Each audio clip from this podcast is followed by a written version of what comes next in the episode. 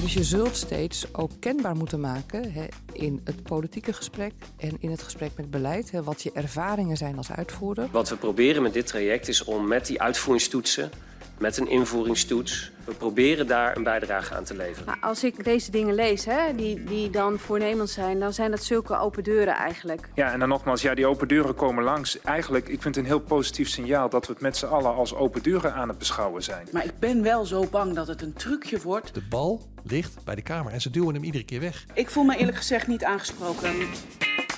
Welkom in de publieke ruimte. Een podcast over prangende vragen en taaie dilemma's die komen kijken bij een betere publieke dienstverlening. De plek waar nieuwe perspectieven een podium krijgen.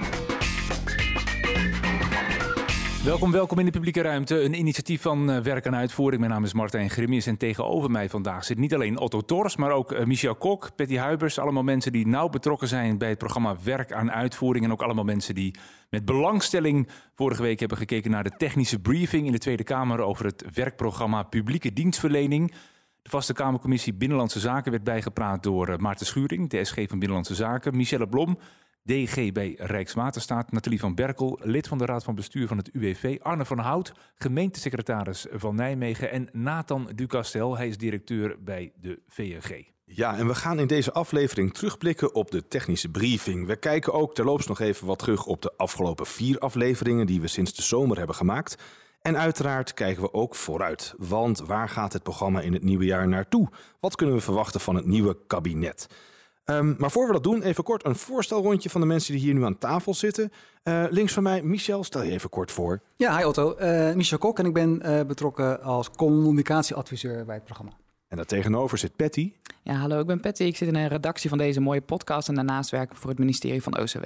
Nou, kijk aan. En we hebben ook nog de goed, Petula Huizing, die, die prikt straks in om eens eventjes te vertellen hoe het programma nu loopt en waar we naartoe gaan in 2022. Ja, programmadirecteur, hè? Oh, pardon, programmadirecteur. Ja, dat betekent bij zeggen van het, uh, voor, het programma Werk en Uitvoering. Ja, je zou het bijna vergeten. Ja. Um, nou, om te beginnen, um, misschien eventjes kijken, die technische briefing, hè, die, die zijn er altijd een paar van per jaar. En uh, dit heeft er ook mee te maken dat die ambtenaren dus wat meer met politici moeten praten. Ik weet niet, Martijn, jij werkt bij Duo. Uh, ja. Hoe vaak schuift Duo aan, weet je dat? Nou, bij ons komen de Kamerleden soms op bezoek, dan, dan als ze komen. Hè, maar daar hebben we het zo meteen ook nog wel over. Die komen ook niet altijd op bezoek als je ze uitnodigt. Maar als het nodig is, dan lichten wij een en ander natuurlijk graag toe. Ook vanuit het perspectief van de ambtenaren. Maar echt zo even off the record in Nieuwsport met ambtenaren praten, uh, politici met ambtenaren. Ik zie niet zo vaak gebeuren hoor. Michel? Nee, ja, zo werkt zo werk weet het niet, maar misschien in de wandelgangen dat het toch wel gebeurt. Maar voor mijn gevoel is dat niet iets wat... Ja, toch die Ukase kok hè, die nog steeds om ons heen hangt. Hoewel die is een beetje afgezwakt, maar, maar dat is niet iets wat... Helemaal weg is. Ben jij, jij bent nu, uh, Patty, werkt bij het ministerie. Ja, ik ben ook officieel ambtenaar geworden. Heb Onder invloed van deze podcast natuurlijk. Ah, okay. hè? Ja, ja. Maar heb, jij, heb jij ook al gesprekken gevoerd met politici? Of, uh...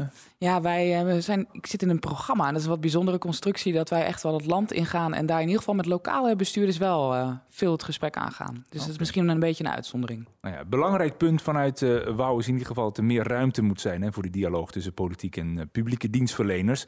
En in dat gesprek tussen de Kamercommissie en de ambtenaren merkte Kamerlid Joost Sneller van D66 op dat er wellicht wat tegenstrijdigheid zit tussen twee wensen die de publieke dienstverleners hebben. Rust en ruimte en geef ons meer aandacht. Uh, hoe gaan we die precies combineren? Want ik denk dat het juist hoe meer wij met jullie gaan praten, hoe meer we erover horen, hoe meer we erover leren, hoe meer we erover gaan willen. En willen meesturen, want ja, dat is fascinerend. Hey, die knelpuntenbrief, hey, dat, daar weet ik nog wel een oplossing voor. Dank u voor deze vragen. Uh, het is bijna een open deur, zou ik uh, bijna willen zeggen, voorzitter. Uh, want er is denk ik een verschil tussen uh, vragen en in gesprek gaan met de publieke dienstverlening en vertrouwen op het vakmanschap van onze mensen. dat zij weten wat er in de praktijk gebeurt en dat zij ook oplossingen hebben hoe je het in de operatie zou kunnen oplossen. Uh, en dan vragen wij vervolgens van u uh, om daarover mee te denken en daar politieke keuzes op te maken. Wat wij liever niet van u zouden vragen, is dat u met een kant-en-klare oplossing komt. Want uh, het is denk ik erg ingewikkeld. Dat merk ik vanuit mijn rol al, om goed te kunnen beoordelen hoe iets in de dagdagelijkse praktijk precies uitpakt. Dat is voor mijn mensen echt een stuk minder moeilijk en soms zelfs ook nog heel moeilijk. Um, en dat mechanisme, dat geldt denk ik, uh, kan ik me voorstellen voor u wellicht ook. Ja, het antwoord kwam van Nathalie van Berkel van het UWV. Uh, Otto, begrijp je dat wat ze zegt? Of eigenlijk wat hij, het Kamerlid daarvoor zei, Joost Sneller. Het, hoe, hoe, kan ik nou rust en ruimte geven terwijl je ook graag die aandacht wil? Want ik ga gelijk in de actiemodus. Ja, ja ik, ik zie het toch een beetje als relatietherapie, dit gesprek. He, um, je merkt dat zo'n Kamerlid heel sterk er, erin gaat vanuit de huidige uh, tendens, waarin de politiek redelijk snedig uh, zich bemoeit met zaken. En wat uh, Nathalie van Berkel denk ik terecht zegt, van joh, jullie gaan over het wat, maar laat ons alsjeblieft over het hoe gaan. Dus interesse graag, maar bemoeienis liever niet. Ik denk dat dat een, een, prima onderscheid is. Moeilijkheid is dat in die politieke arena waar Joost Sneller natuurlijk in acteert, ja, dan moet je toch samenwerken of in ieder geval elkaar soms wat vliegen afvangen als fracties onderling om zichtbaar te zijn. Dus het politieke spel heeft natuurlijk ook wel invloed en impact op de manier waarop die vraag gesteld wordt en hoe ver dan de bemoeienis al dan niet gaat. Ja. Dus een, een beetje rust in de politieke arena zou zeg maar helpen om die interesse goed gericht te krijgen. Denk ja, maar, ik. maar rust in de politieke arena, Michel, dat gaat gewoon niet lukken. Ja, dat is goed. Dat, volgens mij is een beetje onderdeel van het spel daar inderdaad. Wat wel leuk is, is dat hij uh, ook een stuk zelfreflectie heeft. Ja, hij zegt van oké, okay, ja, als je ons die openheid geeft, nou, dan gaan we er ook meteen op in. Dus als we ook kijken naar wat uh, Almeer Bosman heeft over zelfreflectie van de Kamer. Nou, volgens mij is dat bij hem uh, wel, goed, uh, wel goed op orde. Maar, maar uh, kom niet met een klare oplossing, zegt Nathalie van Berkel dan. Gaat dat wel lukken, denk je, Patty? Ja, het is wel moeilijk, want het, ik, wat ik wel snap vanuit de optiek van sneller... hoe meer je ervan weet, hoe meer je ook nou ja, verantwoordelijk bent... en je misschien ook wel voelt. En ook meent ervan wat te kunnen zeggen. Dus zo'n ja, kant-en-klare oplossingen niet aanbieden... dat lijkt me best wel lastig. Ja, maar een beetje op de handen zitten. Ja, nou, het heeft ook te maken met, met wie heeft welke verantwoordelijkheid. Precies, bedoel, waarom hebben we een paar honderdduizend ambtenaren in Nederland? Is dat omdat, om, omdat de Kamer het allemaal zelf weet en eigenlijk prima zelf af kan?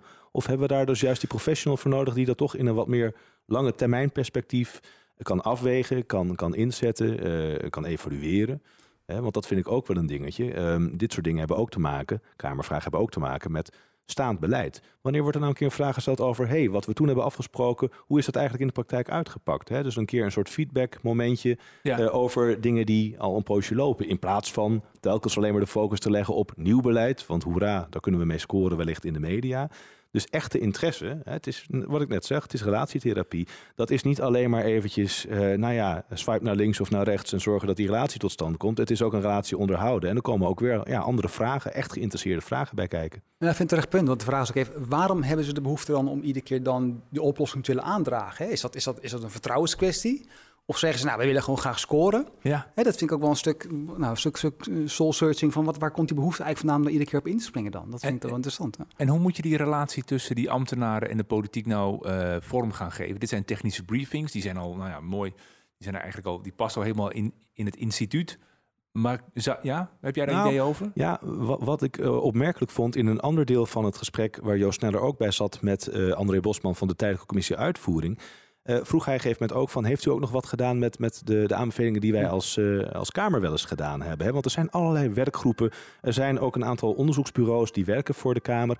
Um, kortom, er zijn verschillende manieren en momenten... Uh, waarop we als Kamer zelf ook al suggesties doen. Dus we hoeven niet enkel te wachten tot het ons wordt aangereikt... maar we moeten ook dat zelfreinigend vermogen wat op orde brengen. Um, een van de aanwezige ambtenaren, ook even goed om te memoreren... Michelle Blom van Rijkswaterstaat, die, die spraken we al eerder voor deze podcast... Uh, en uh, zij heeft uh, op haar werkkamer een, een, mooi tegeltje staan met de tekst: De basis van vertrouwen is kennis van zaken. Ja, ik kan er nog twee andere tegeltjes aan toevoegen. die gebruik ik ook vaak. En de ene is: beleid zonder kennis is propaganda. En uitvoeren zonder kennis is levensgevaarlijk. Ja. Kijk, uitvoeren merken mensen. En als je uitvoert zonder kennis van zaken, als je niet weet waar je het over hebt, ja, dan ga je hele domme dingen doen. Dus je zult steeds ook kenbaar moeten maken in het politieke gesprek en in het gesprek met beleid. Wat je ervaringen zijn als uitvoerder, uh, wat je ontdekt hebt of wat je al wist. En wat de consequenties ook zijn van bepaalde beleidsideeën. Zodat je ook kunt behoeden voor, voor, voor fouten die of heel veel gaan kosten, of niet uitvoerbaar zijn, Of nou ja, noem maar op. Ja, basis van vertrouwen is kennis van zaken. Eh, Michel, jij noemde het net ook al even, hè, dat vertrouwen. Dat moet er zijn, maar daar heb je dus wel weer kennis van zaken voor nodig. Ja, lijkt me op zich uh, me een terecht punt inderdaad. Het is um, uh, kennis van zaken. Um, het vertrouwen ook dat andere mensen weten waar ze over praten. Maar aan de andere kant ook, hè, de, uh, um, het feit dat je kennis van zaken heeft, betekent nog niet dat je alles in je eentje op te lossen. Je kan ook zeggen, kan ik iets leren van een omgeving waar ik toch beter van kan worden. Ja. Dus volgens mij dat vertrouwen komt dan wel uiteindelijk toch steeds twee kanten op. Ja. Is er kennis van Kamerleden genoeg, Patty, denk je? Ja, ik vind het heel moeilijk om te beantwoorden. Maar ik denk wel dat op het moment dat het ontbreekt, dat het ook nog een keer extra vertragend werkt. Want door dat wantrouwen en het door te moeten checken en niet te geloven dat de uitvoering het weet, uh, loopt alles in de vertraging. Ja. Het is, het is wel mooi, hè, die tegeltjeswijsheden van die, Michelle Blom. Even, want die, die tegeltjes, die, die had ze zelf laten maken of die, die ja, had ze gekregen? Ja, gevraagd. Want er stond eentje op haar kamer en uh, maar er kwam ook zo, misschien dat ze er thuis nog meer heeft hangen. Ik heb geen idee. maar het is wel interessant dat, dat uh, wel voor haar een motto die, die wel uh, voortdurend in haar achterhoofd zit bij de zaken die ze dagelijks doet. Otto, toch? Ja, dat, dat zeker. En wat daarbij komt kijken is volgens mij ook dat die behoefte aan een gelijke informatiepositie. Ja.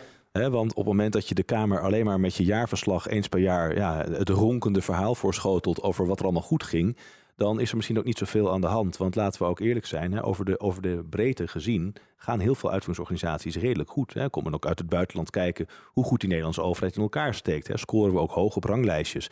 Uh, maar dat wil natuurlijk niet zeggen dat er niks misgaat. En daarom vond ik ook die knelpuntenbrieven die onlangs zijn gepresenteerd van, uh, van de SVB en uh, van het UWV een heel interessante ontwikkeling. Ik weet ook dat in het programma Werk en Uitvoering wordt er actief aandacht aan besteed van hoe kunnen we dat nou vaker en, en beter inzetten. Zo'n soort instrument waarin je dus eigenlijk rechtstreeks, ongefilterd zoals het in de brief ook staat, signalen geeft van en de volgende tien dingen doen we niet goed. Nou, dat is natuurlijk een heel ander type bericht opeens wat die Kamer krijgt dan het jaarverslag waarin staat en we hadden weer een 7,3 op ja, klanttevredenheid. En gaan ze die dan ook echt lezen? Ja, ik heb de indruk dat daar politiek goed op gereageerd is. De, de, de commissie Sociale Zaken die heeft die brieven ook besproken. En daar werd uh, uh, ja, echt, echt enthousiast en, en bijna verrast op gereageerd van... hé, hey, nu krijgen we toch een ander type informatie dan wat we gewend zijn. Ja. En dat stelt ook andere eisen hoe we hierop gaan reageren. Ja, er wordt natuurlijk op heel veel manieren uh, informatie aangereikt hè, aan de Kamer. Dit is ook zo'n prachtig voorbeeld. Knelpuntenbrief, stand van de uitvoering... Uh, Alexander Pechtel, die spraken wij ook. Hè, die wilde ook graag Kamerleden langs laten komen. Uh, informeren over uh, zijn werk, ook over het werk van andere uitvoeringsorganisaties. Laten we even horen wat hij daarover zei toen. Glad ijs, ik ga toch zeggen. Vorige week vrijdag zouden wij met het hele ministerie, RDW, ProRail, Rijkswaterstaat, Kamerleden ontvangen. Juni is de uitnodiging uitgegaan. Juli is de herinnering uitgegaan. En vorige week woensdag hadden wij één Kamerlid en één medewerker van een Kamerlid aangemeld. En het Kamerlid zei de dag daarvoor af. Ja, kregen, ze kregen het eigenlijk op een presenteerblaadje aangereikt en toch kwamen ze niet. Nou, daar zei Pechtel ook wel van, ja, ze hebben het ook druk. Ik ben ook Kamerlid geweest, ik weet wat er allemaal op ze afkomt. Maar dat is natuurlijk wel een beetje de crux. Hè. Keuzes maken ook als Kamerlid. Welke informatie neem ik in de beperkte tijd die ik heb? Want ja, iedereen heeft maar 24 uur per dag en 7 dagen in de week. Wat neem ik tot mij? Ja, maar ze had zich wel, aan, ze had zich wel aangemeld, toch, voor die dag? Nee, dat had één, één iemand had zich aangemeld. Nee, aangemeld okay, en die precies, kwam uiteindelijk, of twee hadden zich aangemeld en eentje zegt er nog af. Oké, okay, precies. Ja. ja. maar dit heeft ook weer te maken met die oprechte interesse... waar het net ook ging bij het verhaal van Joost Sneller en Nathalie van Berkel. Wat is interesse, wat is bemoeienis? En naarmate je alleen maar geïnteresseerd mag komen luisteren naar hoe iets gaat... heeft men blijkbaar politiek gezien net wat minder interesse, lijkt het wel... En als hun rol dus niet kenbaar is, wat doe je op basis van zo'n bezoek? Hè? Hoe breng je die informatie verder? Hoe betrek je dat in je oordeelsvorming als politicus? Uh, misschien moet daar nog wel wat gebeuren. Ik heb wel eerder ook gezegd, volgens mij ligt er niet een mooie multoband klaar voor de nieuwe Kamerleden waarin staat, nieuw Kamerlid, dit is wat je ongeveer moet weten. Ik weet dat er ook commissies zijn binnen de Kamer die dat juist proberen te bestendigen, dat ook nieuwe mensen sneller weten, hoe raak ik op de hoogte van de belangrijkste dossiers waar ik voor verantwoordelijk ben en hoe kan ik daarin mijn oordeel wat beter uh, afwegen en balanceren. Ja. Maar hoe zou jij dat dan doen, Otto? Uh, nou, ik denk dat je het Kamerlidmaatschap als ambacht ook wel uh, uh, mag zien. Kijk, er wordt heel veel gezegd voor ambtenaren over ambtelijk vakmanschap. Daar zijn goede programma's voor. Ook van het werk aan uitvoering zit daar een, een heel belangrijk aantal activiteiten op. Om dat ambtelijk vakmanschap in verschillende rollen te stimuleren en te verbeteren. Maar hoe zit het dan met het, met het vakmanschap van onze Kamerleden? Daar komen toch mensen soms rijp en groen in relatief kleine fracties opeens in een verantwoordelijkheidspositie. Ehm, hoe begeleiden we hen daarin? Dus ik neem het ze niet kwalijk. Eh, het is gewoon hartstikke complex. Maar je zou daar wel iets meer aandacht aan kunnen besteden. Wellicht in de sfeer van ondersteuning of begeleiding. Maar, maar wat je net zei, nog even over eh, dat Kamerleden niet zomaar alles moeten aanhoren. Maar dat je aan de voorkant misschien nog duidelijker moet maken wat nut en noodzaak is van een bepaald bezoek. Gebeurt dat dan nu te weinig? Is het meer van, nou kom maar langs en kom maar kijken. En, Een Nou, werkbezoek. Dat kan ik me niet voorstellen dat dat slecht voorbereid zou zijn. Maar misschien spreken we nog niet elkaars taal. Ja. Even nog, nou, je noemde net ook al even, eh, Michel, hè, André Bosman. Hè, eh, want- voordat we even teruggaan naar die technische briefing, één aspect over de, de Kamer. We spraken in de publieke ruimte ook met eh, André Bosman, voorzitter van de Tijdelijke Commissie Uitvoeringsorganisaties. En hij was wat verbolgen over het feit dat zijn rapport nog steeds niet besproken was in de Kamer. Maar vlak voor de briefing over de werkagenda voor de publieke dienstverlening gingen dezelfde Kamerleden met hem in gesprek over de TCU, over de Tijdelijke Commissie Uitvoeringsorganisaties. Eindelijk zou je kunnen zeggen. En daar zei hij net als eerder in onze podcast dat de Kamer eh, beter zijn rol moet pakken. Iedereen heeft de mond vol van bestuurscultuur. Het moet anders. Eh, vuist op tafel, schande en kabinet, het moet anders. Terwijl, als ik heel eerlijk ben en je kijkt naar het rapport, je hebt het kabinet helemaal niet nodig. De Kamer is leidend. Ja. Eh, de Kamer, ehm, ehm, als je kijkt naar de trias politica, je hebt een wetgevende macht, de Kamer, een uitvoerende macht, het kabinet en eh, de, de, de rechtelijke macht. Het kabinet is een uitvoerende organisatie. Het is een uitvoeringsorganisatie. En daar is de Kamer verantwoordelijk voor. En als je hem op die manier bekijkt, dan moet je als Kamer gewoon gaan besluiten, hoe wil ik het hebben? Ja. Maar dat vraagt wel iets dat je zelf met een visie komt. En wat, wat je nog steeds ziet, is dat Kamerleden nog steeds aan het kabinet vragen. Hoe zit het? Aan het kabinet vragen, eh, geef antwoord. Dan toch even, Pieter Omtzigt, die een brief stuurt naar de minister-president om te kijken, eh, eh, te vragen hoe staat het met de formatie. Het kabinet is helemaal niet in een positie over de formatie. De Kamer heeft zichzelf die, die rol toegeëigend. Alleen ze pakken hem niet. Dan moet je dus met je vuist op tafel slaan in de Kamer, in debat met collega-Kamerleden, om als Kamer tot een oordeel te komen hoe de Kamer verder wil. Maar nee, het is veel makkelijker om richting een kabinet te wijzen, want daar moet hij kennelijk liggen. Nee, de bal ligt bij de Kamer en ze duwen hem iedere keer weg. Ja, jij zei het net ook al, hè, Otto. De bal ligt bij de Kamer. Maar die Kamer moet ook met zich- zichzelf in debat van eh, tien jaar geleden... hebben we onder druk van eh, de maatschappij of wat dan ook... hebben we bepaalde wetgeving met elkaar bedacht. Werkt dat nog wel zo goed? Ja, ehm, we zitten een beetje toch in, in de kramp waarin we eh, het kabinet ook als een soort management board zijn gaan zien, lijkt het wel. Hè? Dat hoor ik in de media wel eens terug. Hè? Rutte als de manager van het kabinet. Alles is maakbaar, alles is haalbaar. Ja, dan leg je toch wel ook een, een, een deel van de verantwoordelijkheid op een plek waar die misschien formeel niet hoort. Eh, daar moeten we ook in groeien. Kijk, het feit dat die Kamer meer verantwoordelijkheid naar zich heeft toegetrokken, wil niet zeggen dat ze het van de ene op de andere dag opeens ook, ook kunnen. Dat kost misschien ook wel tijd. Maar het begint ermee dat je onderkent dat dat dus nadere invulling vergt. En dat je dat ook even met elkaar, zonder dat je dat meteen politiek maakt, bespreekt. Van hoe, hoe gaan we dat met elkaar regelen dan? Ja, ik vond het wel mooi dat hij zei, hè, het kabinet is een uitvoeringsorganisatie. Ja, maar- ja. En heeft dat ook te maken met de fractie, die, die, die discipline. hè? In principe, de meerderheid van de Kamer is natuurlijk, zit ik in principe ook in het kabinet, dat onze partijen.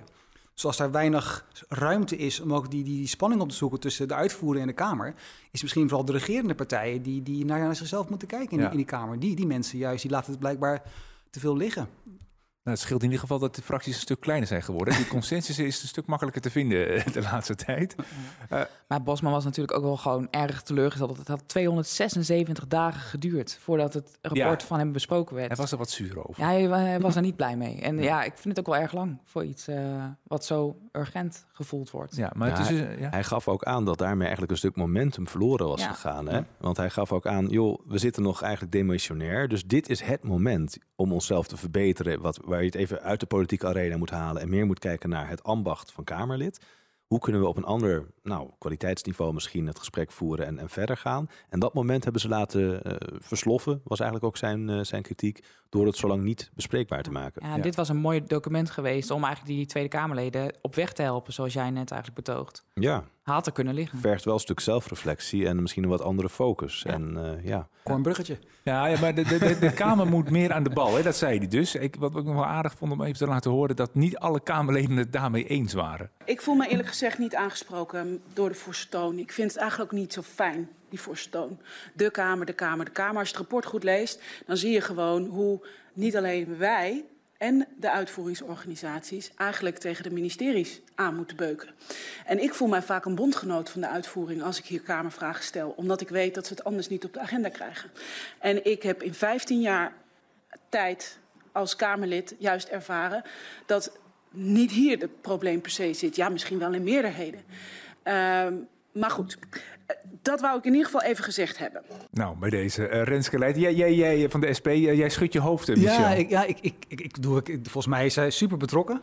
Hè, dus dat, dat voor niks een nadeel logischerwijs van haar inspanningen. Super goed. Wat ik niet begrijp, is, wat ik echt niet snap, is dat ze... Uh, uh, volgens mij in het rapport ook, het gaat ook vooral over het systeem. Hè? Dus, dus het gaat over, over hoe werkt de Kamer nou eigenlijk in dat hele systeem van uitvoering, beleid, et cetera. En zij pakt hem persoonlijk op. En daardoor mis je volgens mij ook een deel van het punt dat volgens mij in het rapport wel staat. Dat, dus dat, dat, dus ja. het geeft ze ook haar betrokkenheid aan bij het onderwerp. Ja, Renske Leijt natuurlijk enorm voorvechter ook Precies, geweest in de ja. kindertoeslagaffaire. Maar het weerhoudt er dan ook van, denk ik, om even dat grotere plaatje te zien. Dat, dat, dat, dat, dat, dat valt in ieder geval op in haar, haar, ja. haar, haar, haar, felle, haar felle reactie. Zij miste wat het punt, wat hij weer, wat Bosman nou ja, ik vind geval, het valt in ieder geval op dat ze hem heel persoonlijk pakt. En dat is misschien jammer voor het grotere plaatje wat erachter zit. Ja. Otto? Ja, ja, het zou fijn zijn als er ook een soort gedepolitiseerde zone zou zijn in het Tweede Kamergebouw. Waar ze eventjes dan uh, veel meer vanuit hun, hun, professionele focus als Kamerlid het gesprek kunnen voeren over hoe doen wij ons werk eigenlijk. En wat is daarin constructief en, wat, wat hindert ons daarbij. Uh, in plaats van dat, hè, want die reactie is duidelijk ook wel voorzien van een, van een zekere politieke lading. Van goh, wij als uh, oppositie hebben moeite om die samenwerking te vinden met de coalitiepartijen, die vaak meekleuren met bewindspersonen. Dus, dus je ziet daarin dat het meteen ook weer uh, puur vanuit het, de spelregels van het politieke systeem wordt dat rapport gelezen. Terwijl ik de indruk had van André Bosman dat hij juist een beetje boven de partijen wilde hangen hiermee. Maar laten we ook wel meteen uh, aangeven dat de grootste ambassadeurs van deze toon allemaal uit de Kamer ja. zijn. De hele commissie, de hele TCU is niet meer in de Kamer aanwezig. Dus ja, nee. wie gaat nou dat geluid verder brengen? Ja, uh, maar ik vond dit wel een mooie wat je zei, hè? De, de gedepolitiseerde zone in de Kamer. Ja, misschien met, met, met lekkere broodjes uh, kroket of zo. Ja.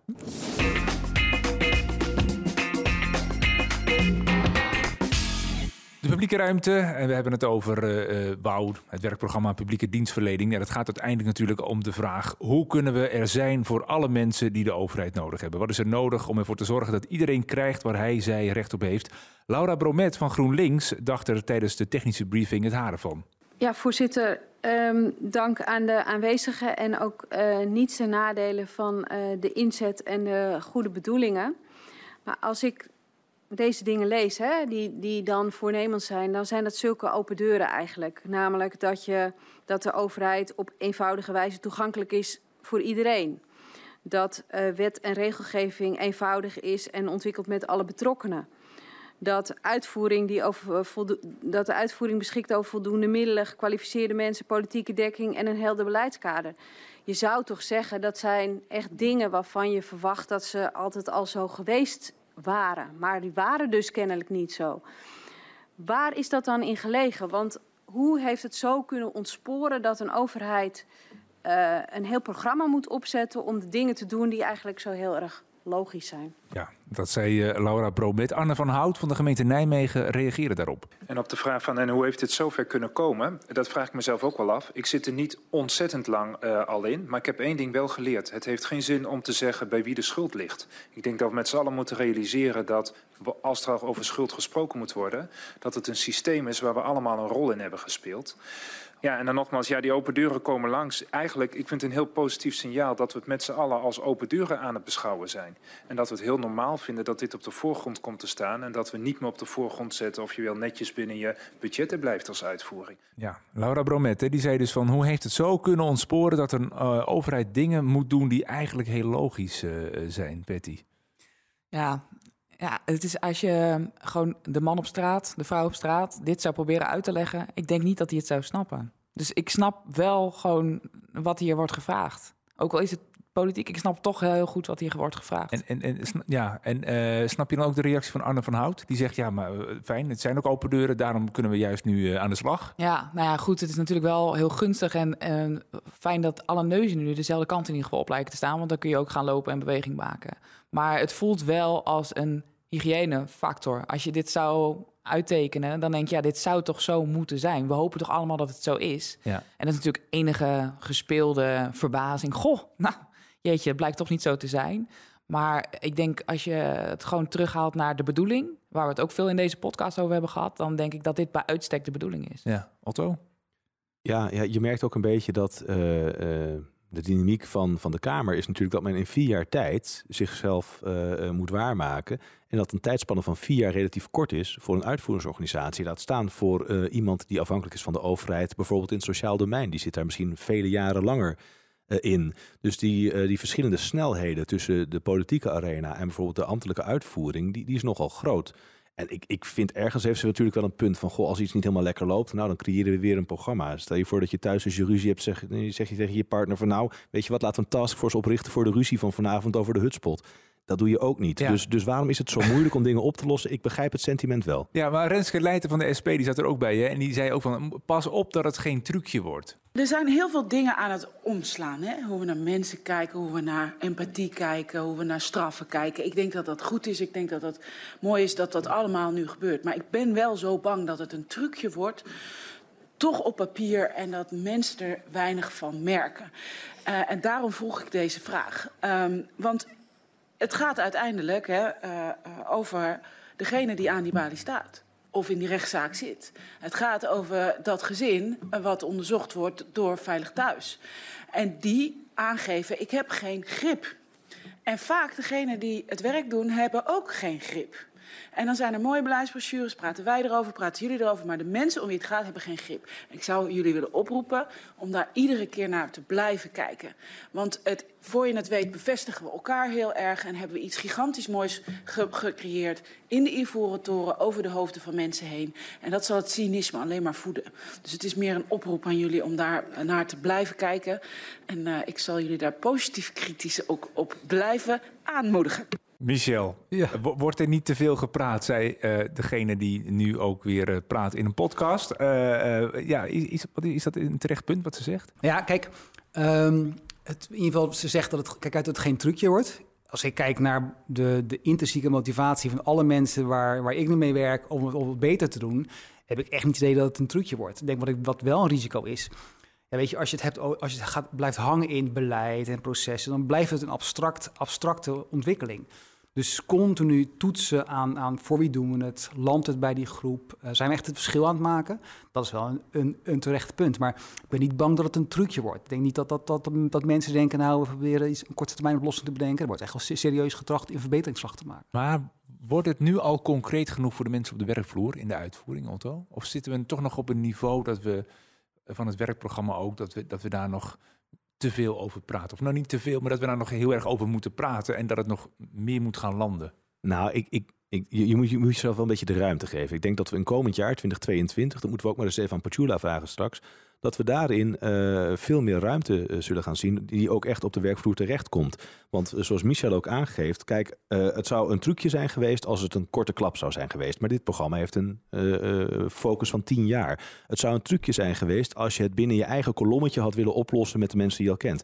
Gebeurt niet. Hè? Je hoort van Hout ook zeggen, we zitten hier met mede-overheden, provincies, gemeenten, rijk, uitvoeringsorganisaties met z'n allen bij elkaar. We kijken grensoverschrijdend. Dus ook daarin zie je dat een andere keuze wordt gemaakt. En een derde aspect waarom ik denk dat het geen trucje is, is als je kijkt naar de breedvoerigheid. We hebben uh, een, een werkagenda die gaat en over dienstverlening en over digitalisering, maar ook over het feit dat wetgeving te complex is. Ook over het feit dat we niet zo lekker samenwerken ja. soms in een driehoek dus die breedvoerigheid, eigenlijk geeft dat ook wel weer. We beseffen dat dingen onderling samenhangen. En je kan niet ergens aan één ja, touwtje trekken in de stille hoop dat het daarmee opgelost is. Dus uh, ik ben niet zozeer bang voor het feit dat dit een trucje is. Ik hij maakt me soms wel zorgen. Gaat, gaan we het volhouden die tien jaar? Gaan we dit daadwerkelijk realiseren? En wat je ook aangeeft, Martijn, gaat het op de, op de werkvloer ook landen? Gaan we er iets van merken? Want ik weet niet, bij Duo wordt werk aan uitvoering al wel eens besproken. Hoor jij het ja. bij collega's om je heen bij de koffie? Ja, nou ja, bij de koffie helaas niet, hè, want we werken allemaal thuis. Uh, maar uh, zeker wordt het besproken. En vooral, uh, hoe krijgen we nou de signalen naar boven vanaf de werkvloer? En hoe gaan we er ook wat mee doen? En daar zijn nu ook, ja, wij noemen dat dan arbitraire beraden voor ingericht, om gewoon met elkaar signalen van onderaf met elkaar te bespreken. Om ook de rode lijnen daarin te gaan zien. En ook om uiteindelijk daarin tot, tot structurele verbetering te komen. Arbitraire dus daar, ja, berading? Ja, arbitraire berading, Oh, ja. dat, is wel, dat klinkt eh, wel ingewikkeld. Ja, die, die ga ik er thuis ook eens in gooien. Maar misschien mag ik dan eens even van Patty vragen. Want wat, eh, als het gaat over dat feit dat ze roept geen grip. Wij zaten elkaar aan te kijken van, mwah, ik weet niet of dat zo is. Ervaar jou in jouw organisatie nou geen grip op het feit dat je dingen anders of beter kan doen? Ja, is, misschien. eh, ik ervaar dat op dit moment eigenlijk gewoon nog wel grip, maar dat zit ook weer in mijn karakter van, mijn, eh, van het programma waarin ik werk. Eh, maar eh, ik had het gevoel, het gevoel dat zij in haar in, in dit stuk eigenlijk twee dingen zei. Want ze had het over geen grip hebben, maar ze begon zowel bij de man of de vrouw in de uitvoering als degene, ja, de burger eigenlijk, die het ontvangt. En tegelijkertijd ehm, maakte ze het heel groot over deze commissie en, en het, het tienjarenplan. Dus ik had het gevoel dat ze eigenlijk drie dingen tegelijkertijd probeerde te benoemen. Want inderdaad, voor de inwoner is het daadwerkelijk nog niet heel veel veranderd op dit moment. Nee, maar als je kijkt naar de professional, als ik eerlijk ben, dan hè, eh, als je ook kijkt naar werk en uitvoering, waar een hele serie eh, sessies binnenkort georganiseerd wordt, dat zit hartstikke vol. Die collega's die melden zich massaal aan en die gaan allemaal met elkaar het gesprek aan hierover. Ik heb niet de indruk dat er door directies of managers wordt gezegd, je gaat daar niet heen, want oei oei, dat mag niet. Eh, dus eh, het beweegt, maar misschien beweegt het langzamer dan politiek gewenst, waardoor de zichtbaarheid daarvan vooralsnog wat tegenvalt. Hè. Dat brengt me ook terug op, op jouw vraag, Martijn, van goh, landt het al op de werkvloer? Misschien moeten we dan daar zelf ook iets meer ja, rust en, eh, en, en ruimte voor laten. Ja, en het is ook de ervaring, denk ik, van Leiden eh, uit het verleden... dat dingen gewoon niet altijd zo snel gaan. En, en, en, en daar misschien ook wel dat ze daardoor ook wat sceptisch is... over eh, hoe, hoe het zou moeten gaan. Maar inderdaad, eh, er is beweging... eh, en dat het nog niet in alle haarvaten zit, dat is duidelijk... maar er gaan zeker stappen worden gezet.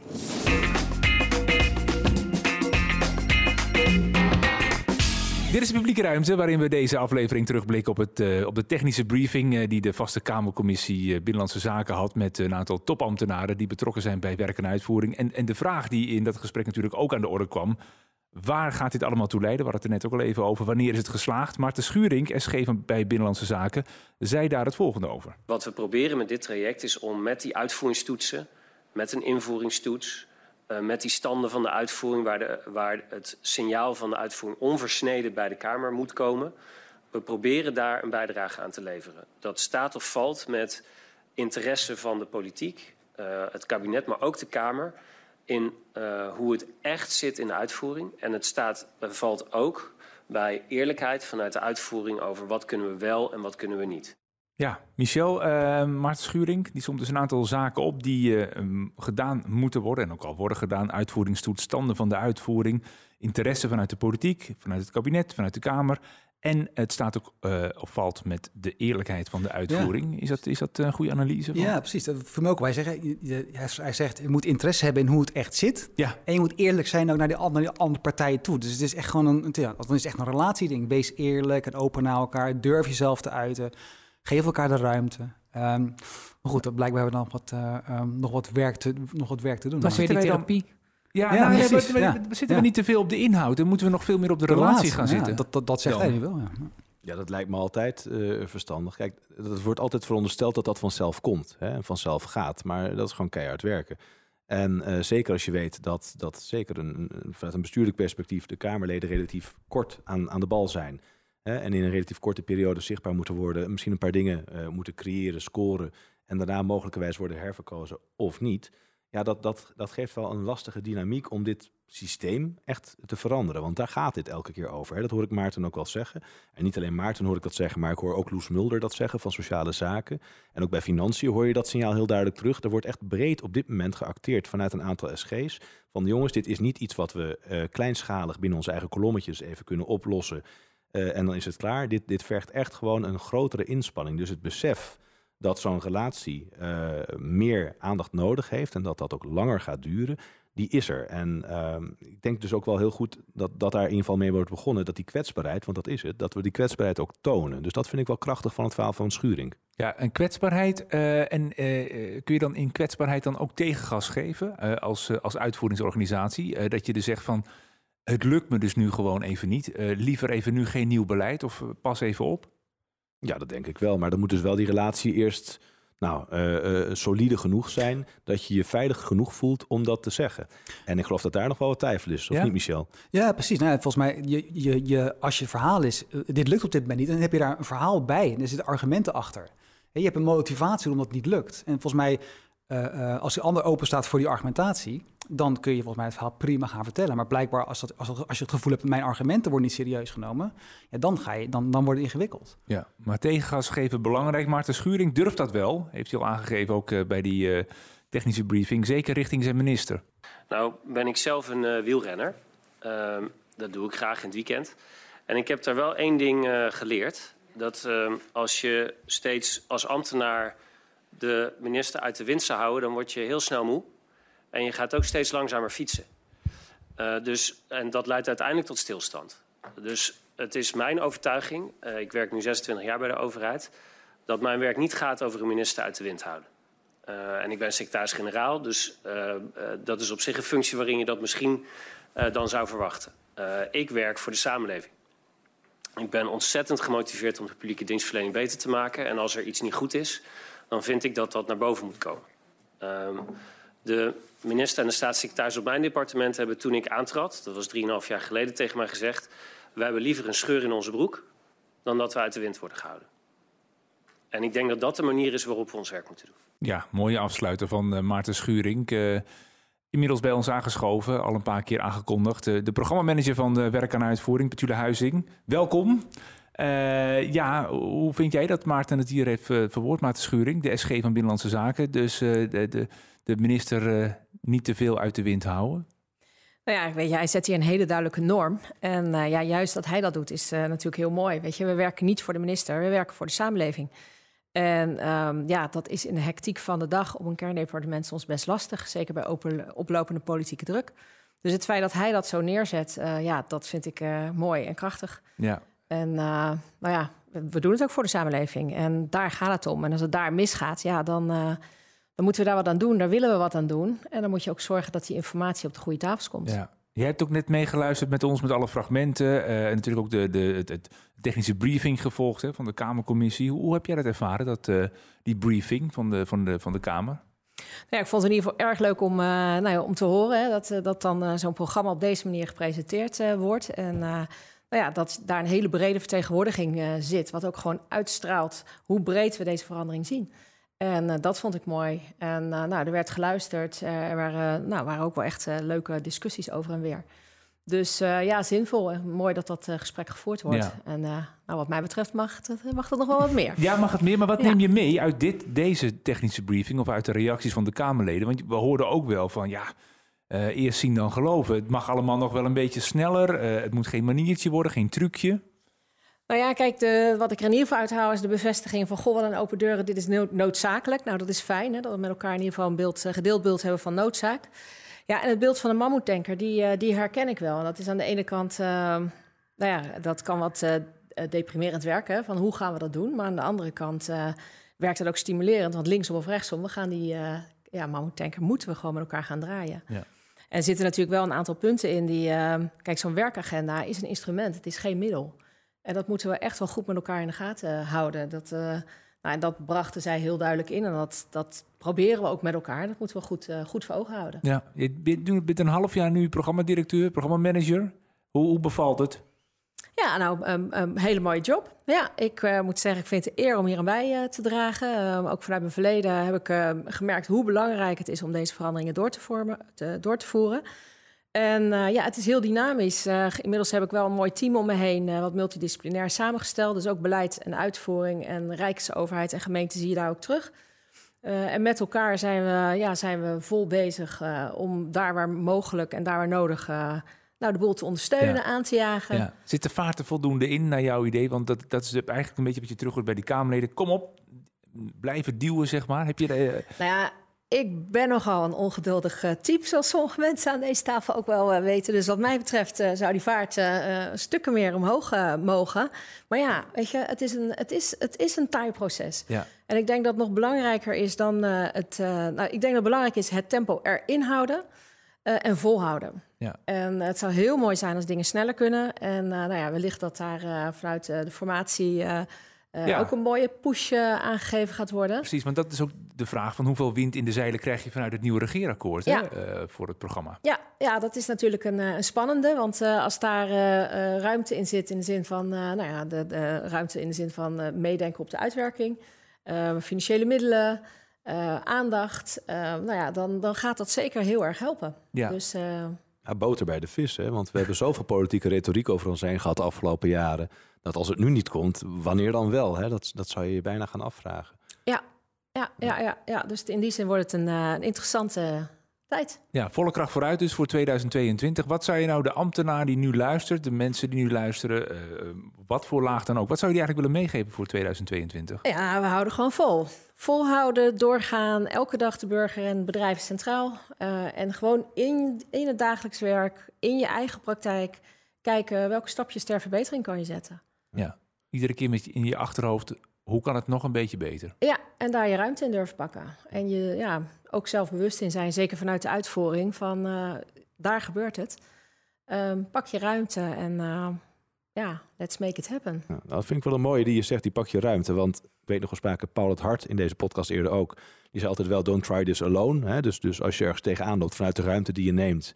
erachter komen van oei, eh, hier zou wel wat kunnen zitten... maar laat ik het collegiaal bespreekbaar maken. Dat soort gesprekken, worden die ook vanuit eh, werk en uitvoering... verder gevoerd en, en ondersteund komende periode? Nou, daar wordt zeker, eh, daar wordt zeker over, na, eh, over nagedacht. Maar eigenlijk vinden dit soort gesprekken echt in de uitvoering eh, plaats. Hè. Nathalie had het daar ook over. Dan moet je denken aan de maatwerkplaatsen. Nou, ik kan me voorstellen dat het arbitrair beraad waar jij het over Ja. had, dat dat ook de gesprekken zijn. Kijk, het klinkt heel stoer, hè? pak je ruimte. Maar eh, dat is natuurlijk niet dat je als individu de wereld moet gaan redden. Je, ja, het moet ook wel ondersteund worden vanuit de organisaties.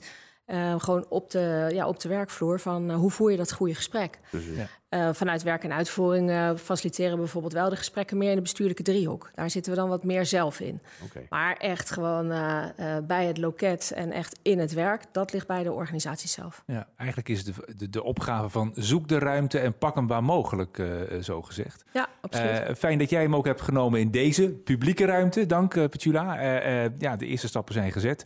Op naar eh, volgend jaar, want dan zetten we ook weer een volgende stap. En gaan we weer verder met deze podcast. Op zoek naar goede verhalen en, en dappere ambtenaren die de publieke dienstverlening iedere dag weer een beetje beter willen maken. Eh, Petula, nogmaals dank. Eh, Michel, Patty, dank jullie wel. Otto. Ja, dit was de Publieke Ruimte, een podcast over publieke dienstverlening, een initiatief van Werk aan Uitvoering.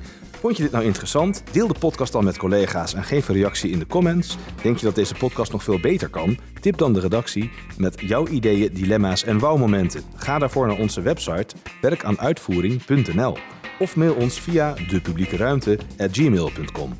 Abonneer je op ons kanaal, dan krijg je vanzelf de nieuwe aflevering in je favoriete speler aangeboden.